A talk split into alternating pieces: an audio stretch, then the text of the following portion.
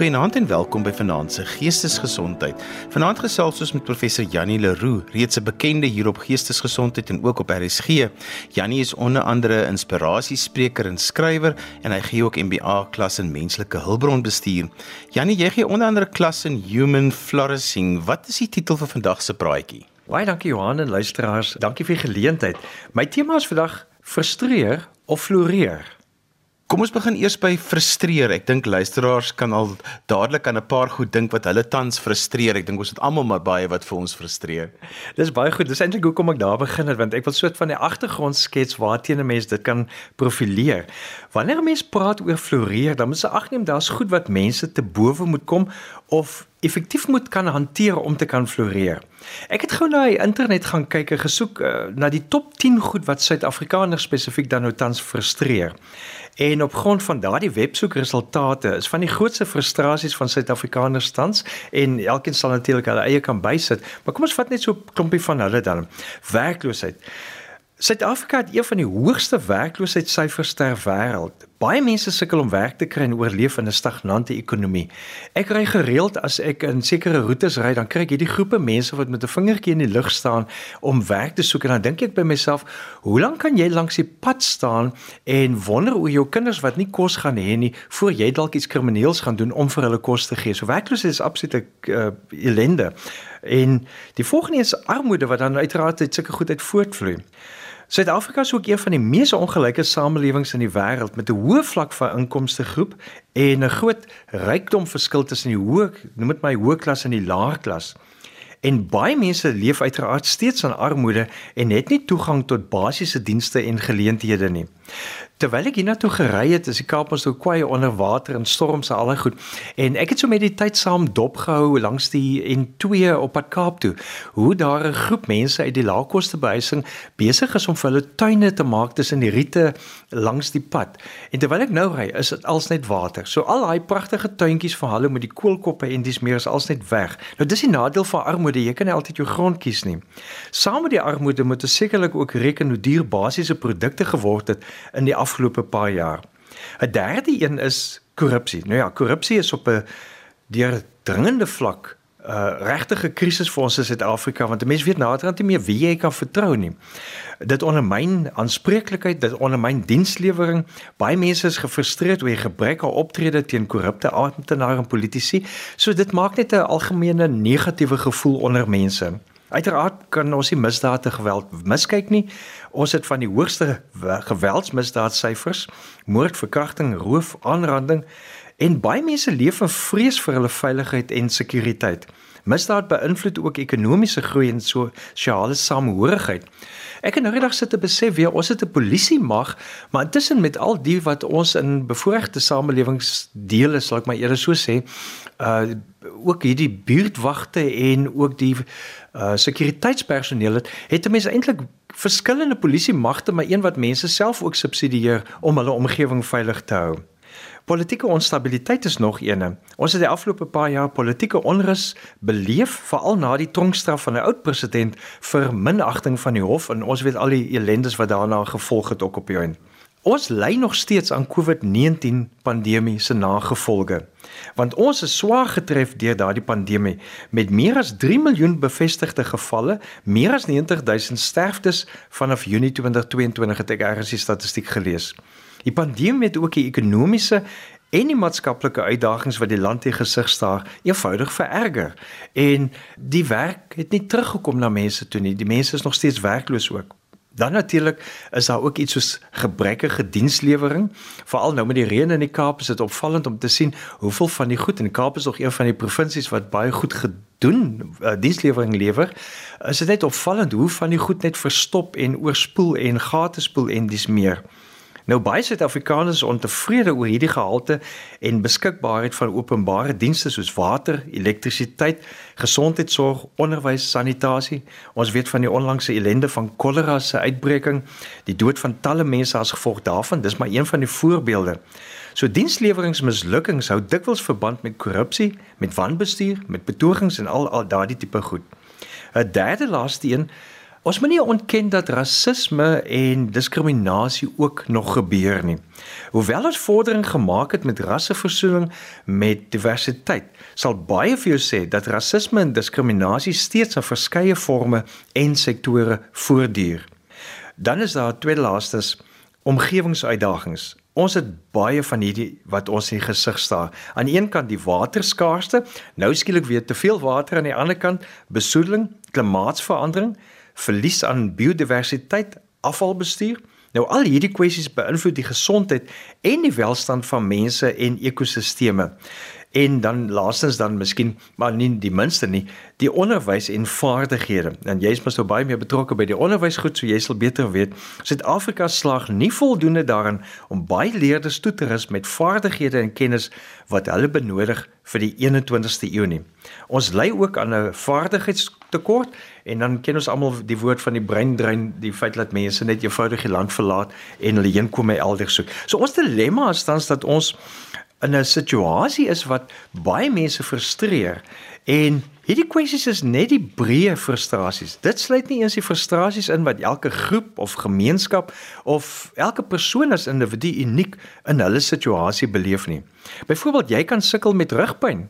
Ons het nog eers dit aangeraak. Dit kan jou frustreer en absoluut vir jou keer om te floreer of iets anders wat persoonlik jou raak.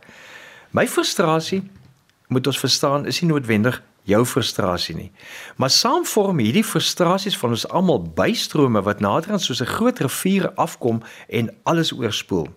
Terwyl ek voorberei het, was groot dele van die Helderberg kom waar ek bly sonder elektrisiteit en dit in 'n week waarin beloof is dat die elektrisiteit redelik beskikbaar sal wees. Nou dis as gevolg van die reën wat uit alle oorde eenvoudig water laat versamel het rondom 'n substasie wat die Helderberg kom voed met elektrisiteit en uiteindelik was daar die elektrisiteit nie meer beskikbaar nie. Toe ek daar weggery het, was daar mense wat vir meer as 'n dag lank al reeds nie elektrisiteit het nie. Nou dis om 'n metafoor ook vir wat in ons lewens gebeur as die frustrasie te veel oploop en dit kom uit alle hoeke bymekaar, dan het ons nie meer die krag om die lewe se uitdagings te hanteer nie. Janie, wat gebeur as daar te veel frustrasie in 'n mens se lewe is? Ek dink ons moet verstaan frustrasie kan die stimulant wees wat ons motiveer en uitdaag om te groei, om juis struikelblokke te bowe te kom. Is interessant, ek dink die meeste besighede het ontstaan omdat 'n frustrasie is wat iemand opgelos wil hê. Nou sien die mense 'n kans om daai ook 'n uh, finansiële bron te ontgin. So frustrasie kan 'n katalisator wees vir verandering, vir innovasie, vir sosiale geregtigheid. Maar dan moet dit gekanaliseer word na konstruktiewe aksie, na kreatiwiteit of dan transformasie. Wanneer daar egter te veel frustrasie in lewe is, kan menslike florering gekompromiteer of belemmer word. Frustrasie kan lei tot negatiewe emosies, ons ken dit soos woede, soos hartseer, angs, depressie. Nou dis alles goed wat jou geluk en jou lewensbevrediging kan beïnvloed of selfs steel. Frustrasie kan ook 'n mens se geestelike en fisiese gesondheid benadeel deur al die stres en die effek daarvan is op ons liggame. Ek wil ons ervaar eenvoudig dan inflammasie of siekte wat ons dan beleef. Frustrasie kan ook 'n mens se sin vir betekenis of doel in die lewe verminder, uh, want jy voel op die ount hopeloos, hulpeloos, jy voel waardeloos. Frustrasie kan natuurlik ook jou karakter en jou deugsaamheid skaad, sodat 'n mens meer geneig raak tot aggressie, geweld, korrupsie. Ek kyk maar hoe die mense soms reageer as byvoorbeeld die taksies uh by hulle indruk en verbydruk en dan doen die mense dwaase goeters, maar dit's ook nie noodwendig sonder rede nie, maar dit is als deel van frustrasies. Frustrasie kan ook 'n mens se hegte sosiale verhoudings benadeel deur konflikte skep, deur wantroue te bring, deur isolasie te vorm. Ek dink die impak van frustrasie hang veral na my mening van drie goed af. Die een is Hoe reageer ek op die frustrasie? Met ander woorde, wat is my denkprosesse en my gevolglike houding en gedrag wat daaruit voortvloei? Tweede een, watter hulpbronne het ek of jy om dit mee te hanteer? En laaste gedagte, wie ken ek wat my kan help om beter perspektief te kry, met ander woorde my denkprosesse te kan beïnvloed of te kan help dan aan die ander kant as 'n hulpbron? Omdat ek moet klas gee vir mense wat ook oorsee is, het byvoorbeeld die elektrisiteitsvoorsieningskrisis nog hulle frustrasie geskep. 'n Mens moet weet wanneer die elektrisiteit gaan afwees. Jy kan nie net vir jou studente sê sorry, wel jy het nie kans om sorry te sê nie of jammer te sê nie, die goed verdwyn net eenvoudig. Jy moet ook aan aanhou klas gee wanneer die krag af is. Toe dit vir kort rukkies af was, was dit nog alright, maar toe dit 4 ure per keer en dan sommer kort kort af is en jy weet nooit wanneer nie, moes ons begin kyk vir alternatiewe bronne van krag. Dis opvallend hoe baie hulpbronne in eintlik 'n kort tydjie begin beskikbaar word het. Dit was vir my deel van die innoverende geaardheid van ons mense in Suid-Afrika en seker in die wêreld ook uiteraard. Dit was eintlik so lekker om te hoor van ander mense se planne, van hulle vindingrykheid om hierdie krisis die hoof te bied.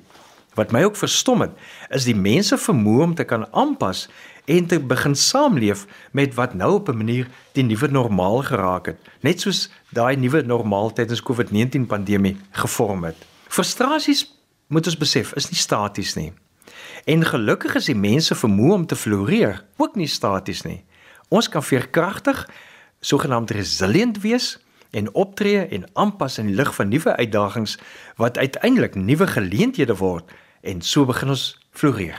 Janie, ons hoor dikwels mense praat oor die krag van positiewe denke. Nou, dis belangrik, maar tog weet ons uit eie ervaring dat positiewe denke nie altyd alleen genoeg is vir ons nie. Ek stem saam met jou Johan. Ek moedig natuurlik positiewe denke aan. Ek werk self hard daaraan om so te bly dink.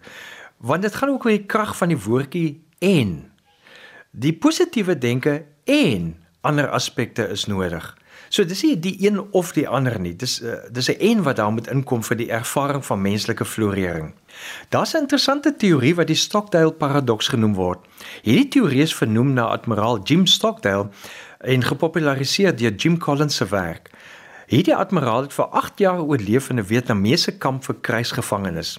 Sy beginsel is: as jy die geloof en hoop wil behou dat jy sal oorleef, ten spyte van al jou omstandighede, moet jy terselfdertyd die realiteit konfronteer waarin jy verkeer. So dis hierdie en hoop en die realiteit. Volgens hom, ironies genoeg, het die optimiste nie oorleef nie. Admiraal Stockdale verduidelik die optimiste het aanhou gedink hulle gaan uit die tronk wees teen byvoorbeeld Paasfees of Kersfees of ten minste die volgende jaar. En dan gebeur dit eenvoudig nie. Hulle sterf van 'n gebroke hart omdat dit nie gebeur nie.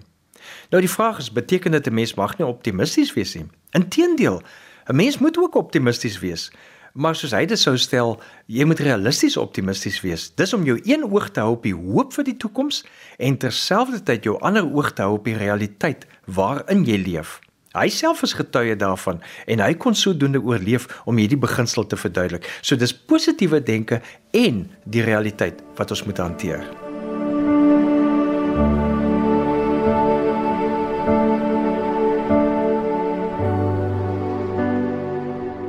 Janie, ons het nou gekyk na sekere frustrasies en gesê dat net positiewe denke is nie genoeg nie.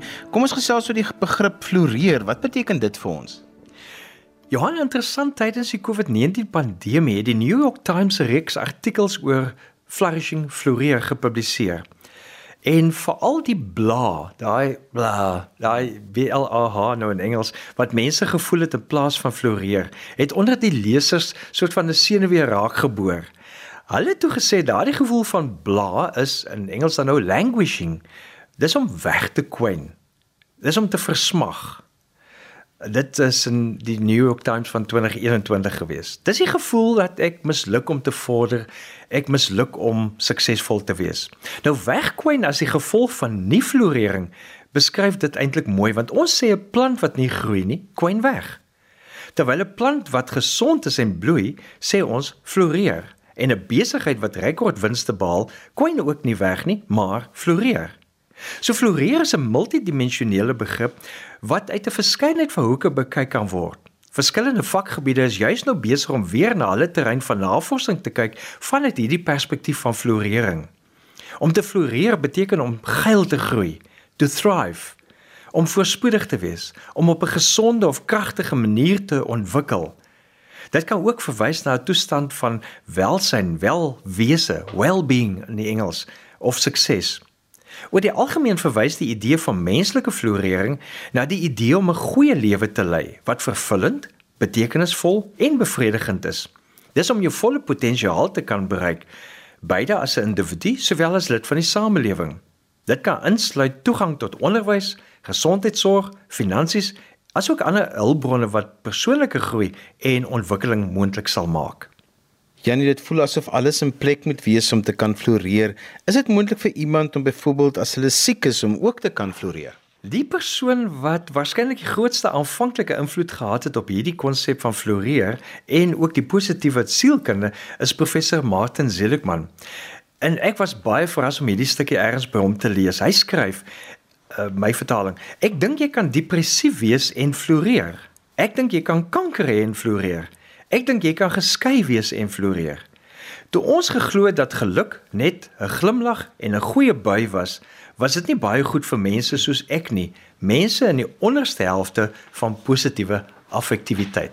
En daarmee het hy die deur oopgemaak om mense laat verstaan, daar is mense wat se basisgedrag, hulle default, as ek dit so kan stel, is eintlik nie positiewe affektiwiteit nie. Hulle lê op die laer skaal daarvan. So dit was vir my baie opgewonde om te besef, hier kom iemand wat in sy eie lyf dit ervaar ek kan floreer al voel als nie altyd ewe wel nie. Ja nee, dis baie goeie nuus want dit voel asof 'n mens heeltyd met 'n glimlag moet loop om te kan floreer en ek is bly dat hierdie kenner self erken dat hy nie normaalweg in die boonste helfte is van wat hy dan nou positiewe affektiwiteit noem nie. Kan jy florering vir ons 'n bietjie in meer detail beskryf? Die positiewe sielkundige beweging het die opkoms van hierdie konsep veroorsaak. Die konsep het aanvanklik toegeneem onder navorsers uit verskeidenheid van velde, van sielkunde tot geesteswetenskappe, die kunste, sosiale omgewingswetenskappe. Jy sal dit raak sien in antropologie en ekonomie. Vanaf individuele welsyn het dit baie gou kollektiewe besorgdhede bereik. En die mense het begin werk daarvan om te plaas van te praat van 'n bruto binnelandse produk as die enigste maatstaf van 'n land se stand van sake tot die bruto nasionale geluk om dit eerder as 'n faktor in te bereken. Die definisie en geskiedenis van menslike florering is eintlik soos hulle Engels sou sê 'n work in progress. Dis nog steeds aan die gang. Sommige iets interessants. Finland word gereken as die gelukkigste land in die wêreld volgens die navorsing wat ek onlangs gesien het. Terwyl dit ironies grens aan Rusland. Op die lys van geluk lê Rusland 80ste. So iets wat ironies lê die gelukkigste land tans langs een van die ongelukkigste lande. Nou ek gaan vandag net op vyf aspekte fokus. En in die kursus wat ek aanbied vir die MBA studente en besighede, breek natuurlik meer uit en gee ook nog twee ander konsepte. Vir ons doeleindes gebruik ek Martin Seligman se akroniem PERMA, P E R M A wat hy geskep het om dit te verduidelik. Ja nee, jy maak my altyd so nuuskierig wanneer jy hierdie woorde vir ons uitbring en ehm um, perma is nie 'n woord wat ek ken nie, so jy het nou my nou baie nuuskierig daarmee gemaak. Waarvoor sou die P van perma dan staan en wat beteken dit? Johan, ehm um, Seligman gebruik die P vir positive emotion, positiewe emosie. Dit sluit emosies in soos dankbaarheid, vreugde, hoop, belangstelling, inspirasie, liefde, verwondering, vermaak. Die vraag is Waar het ek een van hierdie emosies in die afgelope tyd gevoel? Waarmee was ek besig toe ek dit gevoel het? Hoe het dit vir my gevoel?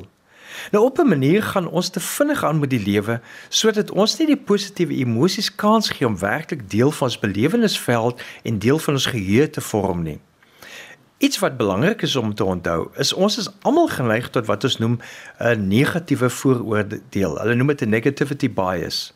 Ons is geneig om eers die negatiewe raak te sien. En dis omdat ons liggaam ons wil beskerm teen moontlike gevaar. Dis so 'n intuïtiewe tipe ding wat gebeur. Navorsers Baumeister, Bratslavsky, uh, Voss en Finke nou sê dat negatiewe ervarings of vrees of slegte gebeure het 'n groter impak op ons as wat neutrale of positiewe ervarings het. So ons onthou die negatiewe ook makliker dan op die manier. Ons het almal dus positiewe emosies nodig om hierdie negatiewe geneigtheid te bestry. Nou ons kan dit doen deur te soek na wat goed is, om die vermoë aan te leer om meer positiewe emosies te ervaar. Ons kan dit ook doen deur te fokus op dit waarop ons of waaroor ons wel beheer het.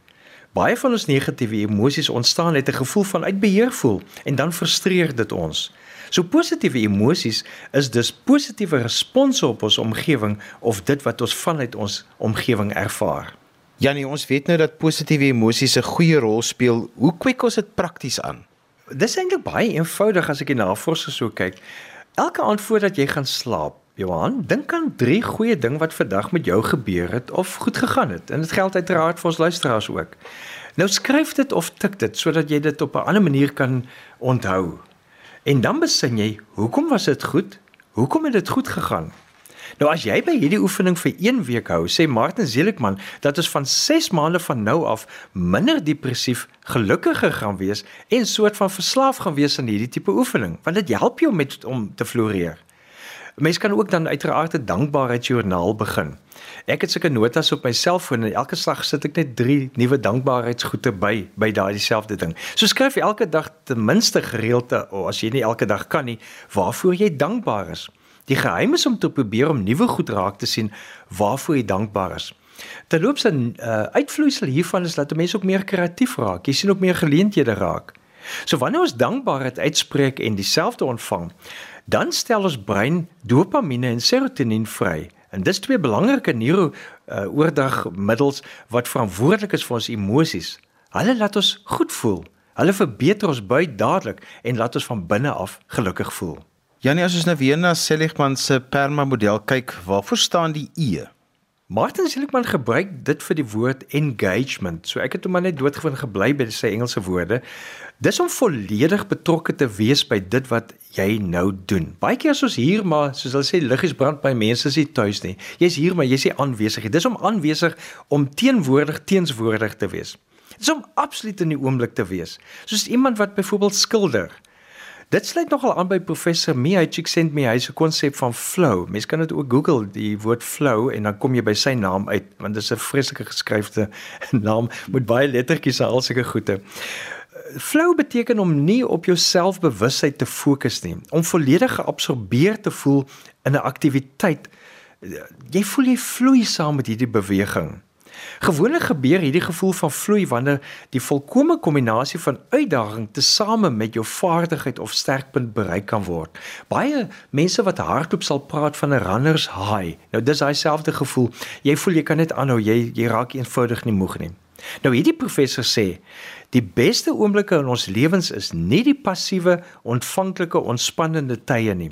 Die beste oomblikke vind gewoonlik plaas as 'n persoon se liggaam of gees tot sy uiterste gestrek word in 'n vrywillige poging om iets moeilik en die moeite werd te bereik. Janie, wat is nodig om hierdie ervaring van vloei of soos hulle in Engels sê engagement te bewerkstellig? Ek dink die volgende is belangrik. Daar moet duidelike doelwitte wees sê uh, Mia Csikszentmihalyi. Daar moet duidelike doelwitte wees elke tree van die pad. Daar moet soort van 'n onmiddellike terugvoer wees oor 'n mens se optreding. As jy goed daarmee of uh, moet jy beter doen daarmee. Daar moet 'n balans wees tussen die uitdagings en jou vaardighede. Jou aksie en bewustheid moet saamgevoeg word. Afleidings moet uitgesluit word van jou bewuswees daarvan. Jy moet nie bekommernis hê oor mislukking nie. Jy moet fokus op dit wat nou hier voor jou is. Jou selfbewussyn, jou ego moet soort van verdwyn. Die gevoel van tyd word dan verdraai en so word die aktiwiteit 'n doel op sigself.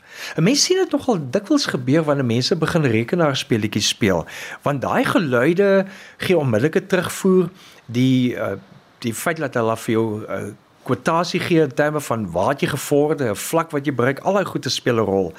Jy kry dit ook as jy musiek beoefen. Jy weet mos nou wanneer jy op of af die noot speel of wanneer jy draf. So dis alles wat 'n rol speel om dan vloei of engagement te bring. Janie, ons het nou al 'n rukkie gevorder om weg te beweeg van frustreer in die rigting van floreer.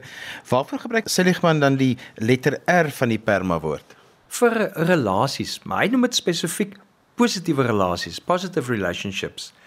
Positiewe relasies behels die interaksies en die verhouding wat jy het met jou vriende, met jou familie, met jou lewensmaat, jou kollegas, jou gemeenskap. Sosiale koneksie is deel van wat ons juis mens maak. So, positiewe relasies het ons kan mense in die navorsing sien, dit verhoog ons veerkragtigheid. Dit raak 'n buffer teen depressie. Dit gee vir ons 'n lewenslange aanduiding van tevredenheid met die lewe. Dit verhoog ons gevoelens van bekwaamheid van verwantskap, van autonomie. Robert Weldinger, 'n psigiater en professor by die Harvard Medical School, hy het op 'n stadium geskryf en vertel hieroor The surprising finding is that our relationships and how happy we are in our relationships has a powerful influence on our health. Taking care of your body is important, but tending to your relationships is a form of self-care too. That I think is the revelation, say I. Nou, hy is die direkteur van die Harvard Study of Adult Development en hy sê in 'n virale 2015 TED Talk uh dat good relationships keep us happier and healthier. Nou daardie studie is gedoen en is een van die langste longitudinale studies van die volwasse lewe van mense om hulle uh, geluksfaktor dan te toets. En dit kom al van 1938 tydens die Groot Depressie al aan. En hulle studie het gewys dat mense wat die beste vaar en die gelukkigste ervaring het, wat floreer met ander woorde, is mense wat juis steun op verhoudings met familie, met vriende, met 'n gemeenskap. Die geheim om te floreer is dus om self in te skakel by belangegroepe, by geloofsgemeenskap en by vriendskappe wat jy kan ontwikkel. Een van die mooi aanhalinge wat ek raak gelees het wat kan help met positiewe relasies, is om te onthou wat Maya Angelou gesê het. Ek het geleer dat mense sal vergeet wat jy gesê het. Mense sal vergeet wat jy gedoen het, maar mense sal nooit vergeet hoe jy hulle laat voel het nie. Ons weet almal die pad na sukses kan soms alleen wees. Daarom is dit belangrik om goeie verhoudings te ontwikkel en te koester deur beide persoonlike asook professionele koneksies te hou. Die lekker van goeie verhoudings is bovendien dat jy ander mense se perspektiewe ook kan hoor en dit kan jou help om jou frustrasies te hanteer. Al kan jy net afpak by iemand sodat jy weer kan sien wat jy in die oë moet bly kyk. Nou goeie kommunikasie is uiteraard 'n belangrike bousteen in positiewe verhoudings. En uitstekende kommunikasie piek kom ehm um, hulle noem dit 'n piek kommunikasie vind plaas wanneer daar gesprek tussen twee mense is wat empatie en opregte nuuskierigheid met mekaar uitstraal. En die hart daarvan van hierdie interaksie is interessant genoeg is om mense net gewoon vrae te vra. Dit help as ons ons denkproses duidelik uitdruk en kwesbaarheid toon. Dis wat 'n menigte piek kommunikatiewe oomblikke kan skep. Deur hierdie tipe kwesbaarheid te toon, is ons in staat om vertroue onder mekaar te skep en mekaar werklik te verstaan. Janie, ons is nou by die M van Seligman se perma. Waarvoor gebruik hy dit en wat kan ons daaromtrent doen sodat ons kan floreer? Hy gebruik dit vir meaning, vir betekenis. Dis om aan iets groter as osself te behoort en aandag te gee en dit te dien. Dis om 'n doel te hê. Dit help ons om te fokus op wat belangrik is in die lig van of ten spyte van frustrasies of selfs teenspoed. Simon Sinek praat byvoorbeeld van jou why, jou waarom, jou diepste rede. Ons val te dikwels vas by die wat en die hoe van ons lewe terwyl ons eintlik meer floreer as ons altyd ons diepste rede, ons why, ons waarom in gedagte hou. Nou dit beteken om sin te maak van ons lewens. Dit bou meaning, betekens dit bou grond vir hoop. Dit beantwoord die vraag wat is vir my belangrik? Dit dra direk by tot my welsyn of welstand in die lig van lyding. Dit help vir my om ja of nee te sê vir verpligtinge, maar ook ja of nee te kan sê vir die verskillende versoekings wat daarmee gepaard gaan. Dit versterk natuurlik ons vasberadenheid om dapper besluite te neem. Interessant sê iemand soos Joseph Campbell, life has no meaning. Each of us has meaning and we bring it to life. It is a waste to be asking the question when you are the answer. Die oomblik wat ons aanvaar, soort van 'n geloofsbesluit neem dat ons eie lewe betekenis het, kyk ons met ander oë na die wêreld. Dan is dit asof ons ons missie, ons roeping ontdek het. Dis om ons beste self te wees en die beste te wees vir ander en hulle te help. Dit was vir my baie interessant toe ek nou navorsing doen vir dit wat ek vir doktorale studente aanbied. Dat die bekende Abraham Maslow se hiërargie van behoeftes nie by selfaktualisasie stop nie. Die meeste diagramme teken daardie driehoek met selfaktualisasie, selfverwesenliking aan die bo-punt. Nou, ek gaan net gou as die hiërargie weer herinner. Dit begin op die plat vlak op die breedste basis van die driehoek begin dit by jou fisiologiese behoeftes. Dis nou byvoorbeeld jou behoefte aan honger, aan dors, aan slaap, om daai behoeftes te bevredig. Die volgende vlak is jou veiligheidsbehoeftes. Dis jou behoefte aan sekuriteit en stabiliteit in jou lewe. Hy sê die vlak daarop volgend is om te behoort, om liefde te kan ervaar of te gee. Dis om gekonnekteer met ander woorde met ander mense te voel. Dan die vlak daarna is die agtingbehoeftes. Jy wil positief oor jouself voel, so jy wil ergens 'n plek hê waar mense vir jou respek kan hê. Die vlak waarby ons gewoonlik stop, is om mense aan te moedig om te beweeg na selfaktualisasie of terwyl dan selfverwesenliking. Dis om 'n mens te word waarvoor jy die potensiaal het om te wees. Wat minder bekend is, is dat Maslow sy model aan die einde van sy lewe gewysig het en daarom is die konvensionele uitbeelding van sy hiërargie onvolledig. In sy latere denke het hy aangevoer dat daar 'n hoër vlak van ontwikkeling nog is en hy het dit self transcendensie genoem. Ons bereik hierdie vlak deur te fokus op dinge buite diself, soos altruïsme, soos geestelike ontwaking, soos bevryding van egosentrisiteit, soos die eenheid van wese, die saamvoel met ander mense. En dis hoe hy dit stel as ek dit nou vry vertaal. Transcendensie verwys na die heel hoogste en mees inklusiewe of holistiese vlakke van menslike bewussyn wat optree en verband hou as doelwitte eerder as middele vir jouself vir beduidende ander mense, na mense in die algemeen, na ander spesies, na die natuur en na die kosmos. Nou let op dat die plasing van selftranscendensie bo selfaktualisering is eintlik 'n radikaal ander model. Terwyl selfaktualisering verwys na die vervulling van jou eie potensiaal, verwys selftranscendensie letterlik na die transcendering, die oorstyging van die self. En as dit suksesvol is, het selftranscendeerders dikwels wat Maslow noem piek ervarings. Hulle transcendeer hulle eie individuele ego.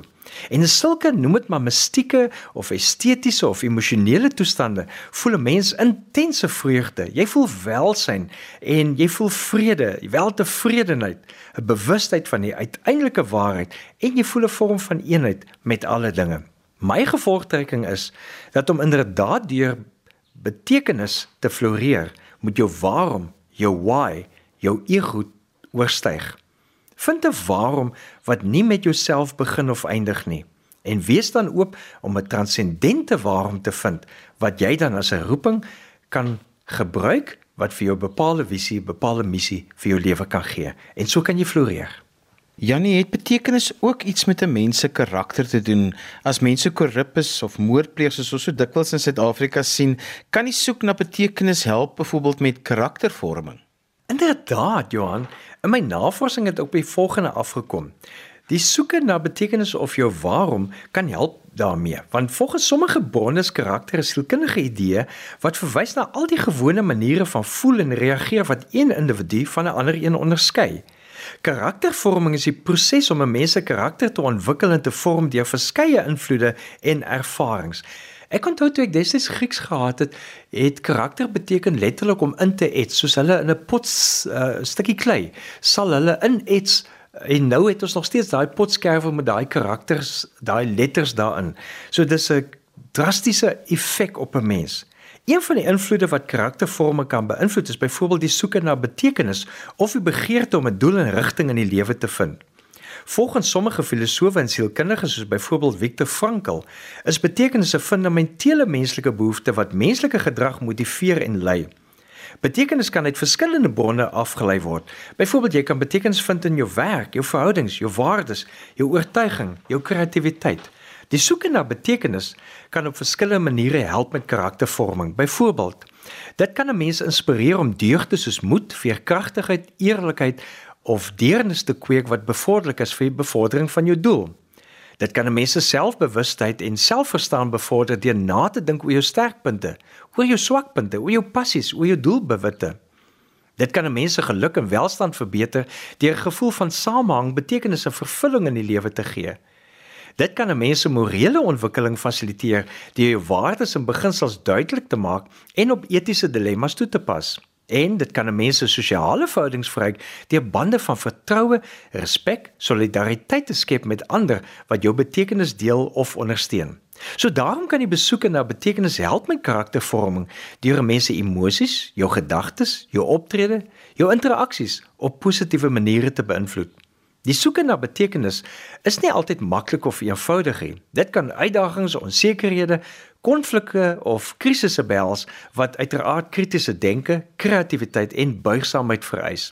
Boonop is die soeke na betekenis mos nou nie 'n een eenmalige gebeurtenis nie, maar 'n lewenslange reis wat voortdurend hersiening en aanpassing by verskillende omstandighede vereis. Maar karakter bly een van die resultate daarvan en dit help ook die proses van floreer. In Psychology Today van 2021 wys Tyler van der Wille verwys na hy na karakter en dan sê hy karakter self is op verskillende maniere gedefinieer as 'n stel persoonlike eienskappe of ingesteldhede wat spesifieke morele emosies produseer, motivering inlig en gedrag lei.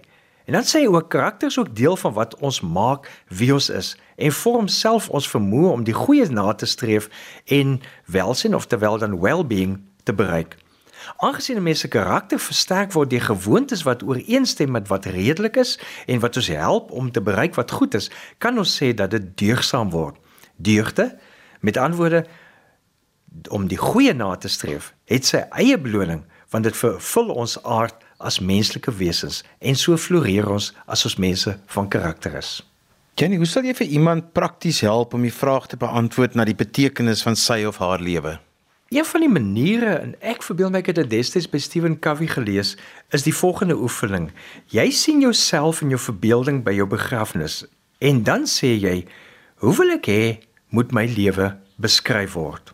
Nou natuurlik laat dit my dink aan die grappie van iemand wat gesê het toe hulle vra wat sal jy graag by jou begrafnis wil hoor en toe antwoord die persoon hy sal graag wil hoor kyk hy lewe maar hier gaan dit eintlik meer daaroor oor die beskrywing van wie jy is jou deugde jou karakter van die deugde wat ons karakter help vorm in die rigting van florering is byvoorbeeld die volgende iets soos integriteit nou integriteit verwys na die kwaliteit van eerlik wees moreel wees sterk beginsels hê Dis die konsekwente nakoming van 'n stel etiese waardes en die demonstrasie van betroubaarheid, opregtheid in 'n mens se optrede en ook in jou interaksies.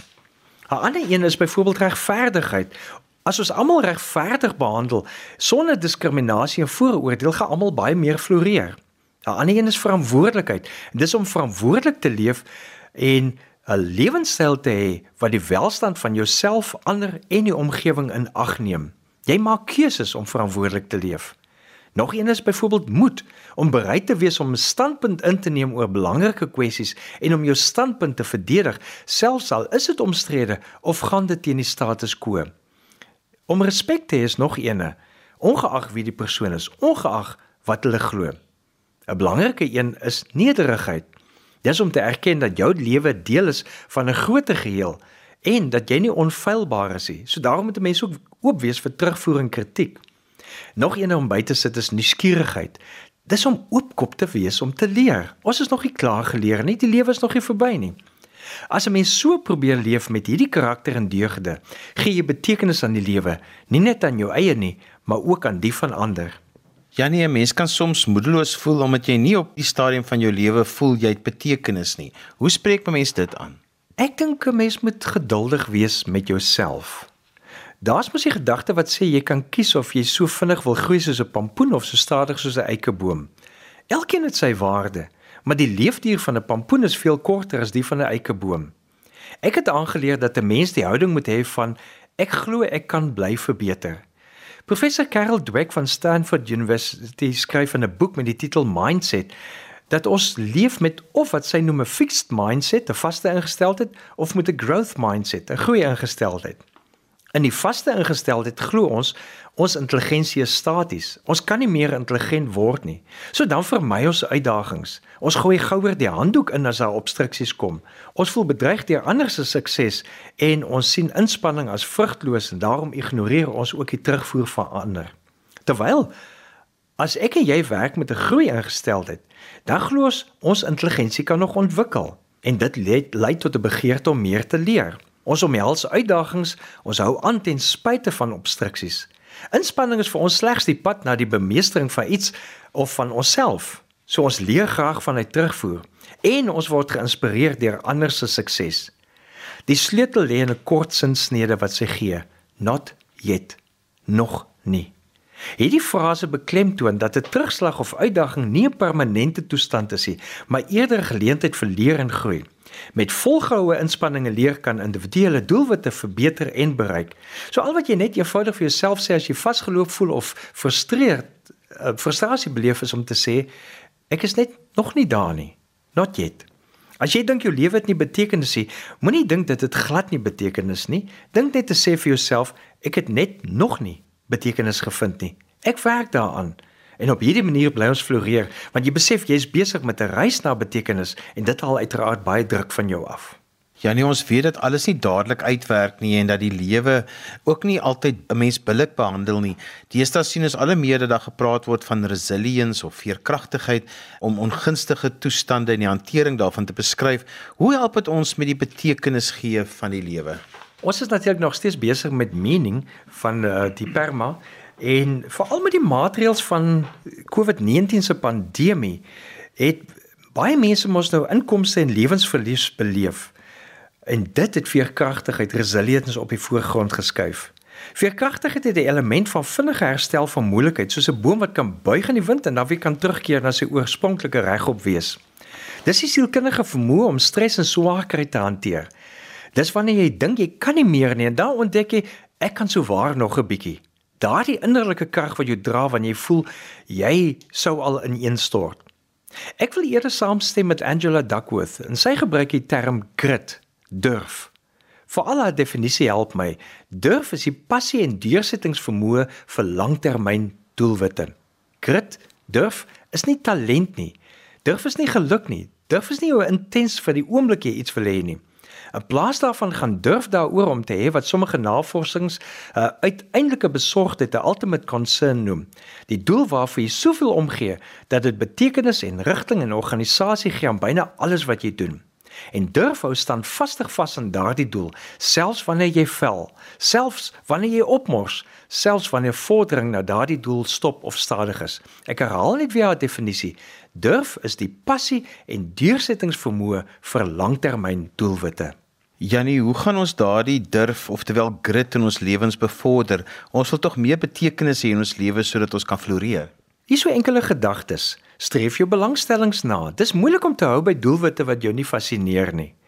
Oefen, oefen, oefen sê sy. Ons hou daarby om te doen wat ons goed mee is, maar oefen doelbewus om elke dag te verbeter. Verbind wat jy doen aan 'n hoër doel. Met ander woorde, jy soek 'n dieper why, 'n dieper waarom en dan volg jy dit en dit herinner jy jouself konsekwent aan. Quick hoop, ontwikkel 'n groeiende ingesteldheid gebruik bemagtigende taal om dit te ondersteun. Glo dinge sal beter word want jy gaan dit beter maak. Omring jouself met mense van durf. Mense van durf of krit se oortuigings, gevoelens en gedrag sal jou ook positief beïnvloed. Ek herinner my aan die woorde van Louis Pasteur. Nou hy was mos daardie Franse wetenskaplike wat talle ontdekkings op die gebied van chemie en microbiologie gemaak het. Hy het byvoorbeeld pasteurisasie, daai verhitting van 'n vloeistof om bakterieë uh, skoon te maak en inenting, daai eerste inentingsstowwe vir hondsdolheid kom van sy kant af, het hy als ontwikkel. Hy het gesê: "Laat ek jou die geheim vertel wat na my doel gelei het. My krag lê net in my volharding." Ons kan daardie volharding met durf of grit vervang. So ek gaan dit so stel.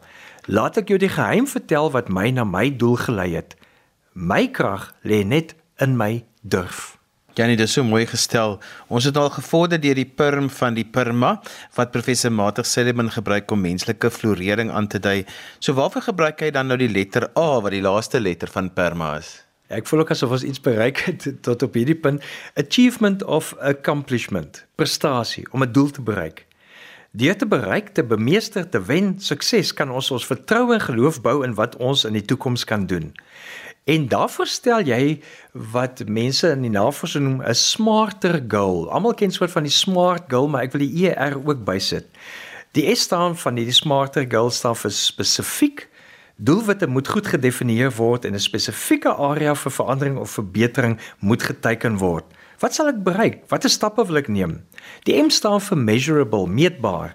Doelwitte moet 'n duidelike maatstaf van sukses hê wat gekwantifiseer kan word of vordering kan aandui. Die A staan vir achievable. Dis die fokus op hoe belangrik 'n doel vir jou is en wat jy kan doen om dit haalbaar te maak en wat mag nodig wees, soos byvoorbeeld om nuwe vaardighede te ontwikkel of of dalk jou houding te verander. Die doel is om motivering te hê om te bly aangaan om te kan floreer. Die R is dan realisties. Doel moet 'n prakties en plan word op 'n manier wat maklik is om in die werklike lewe geïmplementeer te word. Dit kan natuurlik ook moeilik wees, maar ek wil mens met dit kan implementeer. Die doel van 'n slim doel is dat jy nie net die plan verskaf nie, maar dit moet jou ook kan help om dit uit te voer. Die T staan vir time bound, tyd. Dit behels die opstel van 'n tydraamwerk vir die bereiking van die doel. En nou die E wat bykom is eties of evaluerend. Die doel en die uitvoering daarvan moet jou persoonlike waardes of professionele etiek ondersteun. En die R is die reward, die beloning. Dis die eindresultaat van daardie doelwitstelling wat jy vir jouself 'n beloning inbou en dit bring 'n gevoel van prestasie. Een van die geheime om iets te bereik en terselfdertyd te voel jy floreer, is om wanneer jy die moeite doen en die harde werk moet insit, te bly fokus op daardie beloning wat jy gaan kry. En moenie vergeet om die klein gewoontes aan te leer wat 'n groot verbetering bring nie. James Clear sê in Atomic Habits, get 1% better every day because small incremental everyday routines compound into positive massive change over time.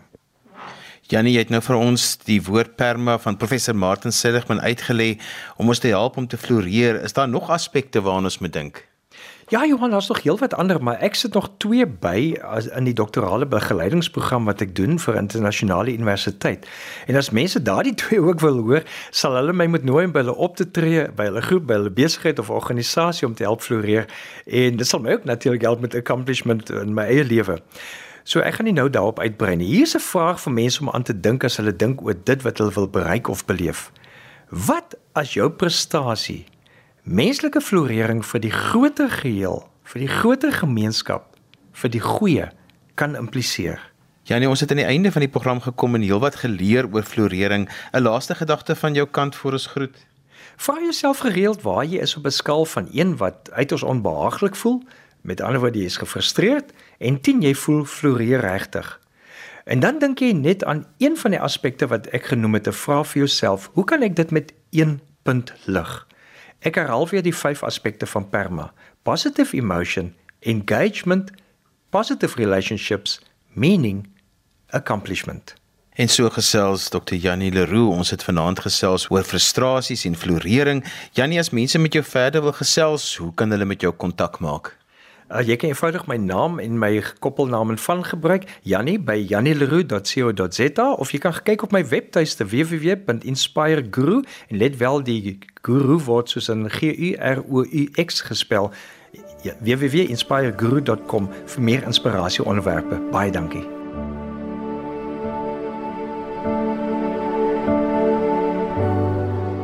En daarmee ons gekom aan die einde van vanaand se geestesgesondheid.